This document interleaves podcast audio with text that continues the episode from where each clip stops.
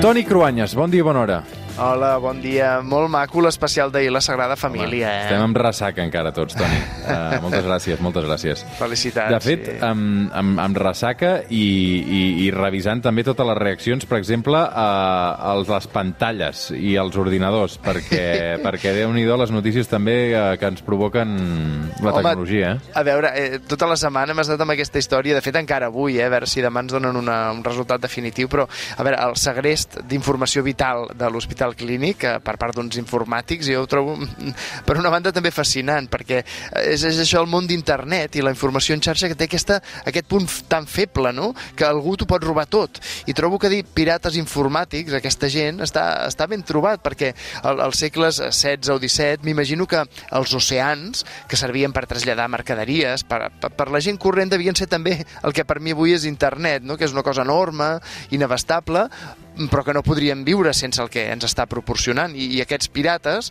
com una reacció contra el sistema, t'ho poden robar tot i demanar-te un rescat per aconseguir un botí. Clar, avui amb el Toni Cruanyes, d'alguna manera, el que parlarem és de pirates.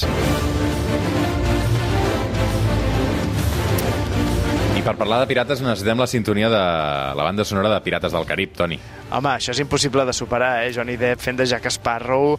Ens agraden això dels pirates, eh? Sempre, sempre hi ha hagut aquesta fascinació per ells, moltes llegendes, i, i tot i que eren brutals i feien mal a tothom, eren cruels, eren lladres i assassins, però, escolta'm, ens encanten els pirates. De fet, els pirates, tal com els imaginem, són coneguts a partir del segle XVII i XVIII, quan s'obren les rutes comercials dels oceans. Però la pirateria ja existia abans, Toni. Es veu que des del segle V abans de Crist ja hi ha registres de pirates que segrestaven vaixells i, de fet, si ho penses, l'Ulisses, de l'Odissea d'Homer, el clàssic de la literatura grega, fa, fa activitats que són pròpies de la pirateria, tot i que pels grecs eren actes d'heroïcitat. Ja veieu que la visió romàntica dels pirates ve d'antic.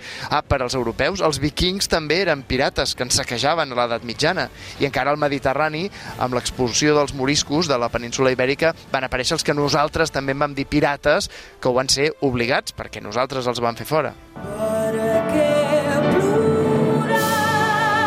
Per què plorar? Uau, això és un altre superclàssic, Toni, dels pirates de Maricel. Uh, el, el primer pirata modern, sabem qui és? Perquè, clar, amb tanta llegenda... A veure, podríem dir que el més famós, abans dels de llegenda, de, de, dels que ens, se'ns venen al cap, doncs va ser Francis Drake. Era un corsari, ja que els pirates, que tenien el permís d'un monarca per fer de pirates, es deia que tenien patent de cors, i d'aquí ve la paraula corsari. I Francis Drake va ser anomenat cavaller el 1851 per la reina Isabel I d'Anglaterra. Per què? Doncs perquè atacava vaixells espanyols que comerciaven amb Amèrica, i com que legalment els britànics no podien comprar o vendre productes d'Amèrica, doncs els robaven amb els vaixells a alta mar. Era una pràctica il·legal, però tant li fa. Francis Drake era un gran navegant, de fet va ser la segona persona el, que va fer la volta al món en una sola expedició, per tant, era un pirata, però un pirata molt professional. I, I un pirata una mica polític, també, aquest Francis Drake. Sí, clar, sempre a favor dels interessos britànics. Però el primer pirata prototipus eh, va ser Jack Rahman. Eh, Aquest va atacar molts vaixells directament, clar, per fer-se amb el seu botí. Eh, Es va fer popular perquè la seva bandera era terrorífica, clar. Va ser el primer en fer servir la, la calavera sobre un fons negre com a senyal d'identitat i, i, de fet, el seu final també és típic de pirates. Eh?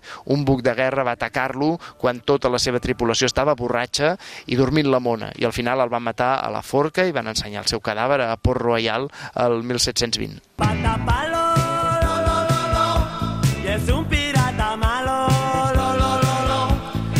Clar, Toni, quan en pensem en pirates eh, ens venen al cap tots els clitxers, eh, eh, el garfi, l'ull tapat, no? Home, aquestes són característiques que fan por. Per això, eh? Per això s'associen als pirates. No he trobat molta explicació històrica. L'únic, potser, el tema de l'ull tapat, que no era tant que els faltés un ull, sinó que amb la tela negra que se'l tapaven, exercitaven la vista per veure-hi millor a la nit, que, que és moltes vegades quan planejaven els seus atacs. Clar, amb tot això eh, podem explicar la història de- d'un últim pirata, potser, Toni. Sí, sí, a veure, un que no pot fallar, Barba Negra. Que va existir de veritat. Es deia Edward Teach, va néixer l'any 1680 i li agradava infundir terror, és la imatge típica del pirata, a banda que, que evidentment tenia una frondosa barba negra i era molt alt, cosa que impressionava. També es posava dues metges de canó enceses al seu barret perquè amb el fum els que el veiessin tinguessin la sensació que s'estaven enfrontant a un dimoni. Eh, Va fer incomptables assalts a vaixells comercials, era britànic també, el problema és que ell atacava famílies riques del seu país, propietàries del comerç marítim, i per tant la corona britànica no va ser gens indulgent amb ell, al contrari, va muntar una gran cacera que efectivament va acabar amb l'enfonsament del seu vaixell, el van matar, el van decapitar, i el seu cap va ser exhibit durant molt temps en públic, com si fos un trofeu de la Marina Reial Britànica. Barba Negra, aquest sí, va ser un pirata amb tots els ets i uts, que va inspirar històries d'altres pirates que ja van ser després llegenda, com Barba Blava o el Capità Garfi de Peter Pan o altres pirates de contes infantils. Las vidas yo escojo la del pirata cojo con bata de palo, con parche en el ojo, con cara de malo, el viejo truán capitán de un barco que tuviera por bandera Avui fins a les 9 del matí, eh, Sabina, la del Pirata Cojo, que també és un altre clàssic. Eh, És bona, aquesta és de la meva època. Sí, sí, però bueno, és incombustible el Sabina, vull dir que Sí. mira, no Visca s'acaba els mai. pirates. Visca, visca. Una abraçada, Toni, moltes gràcies. Bon diumenge.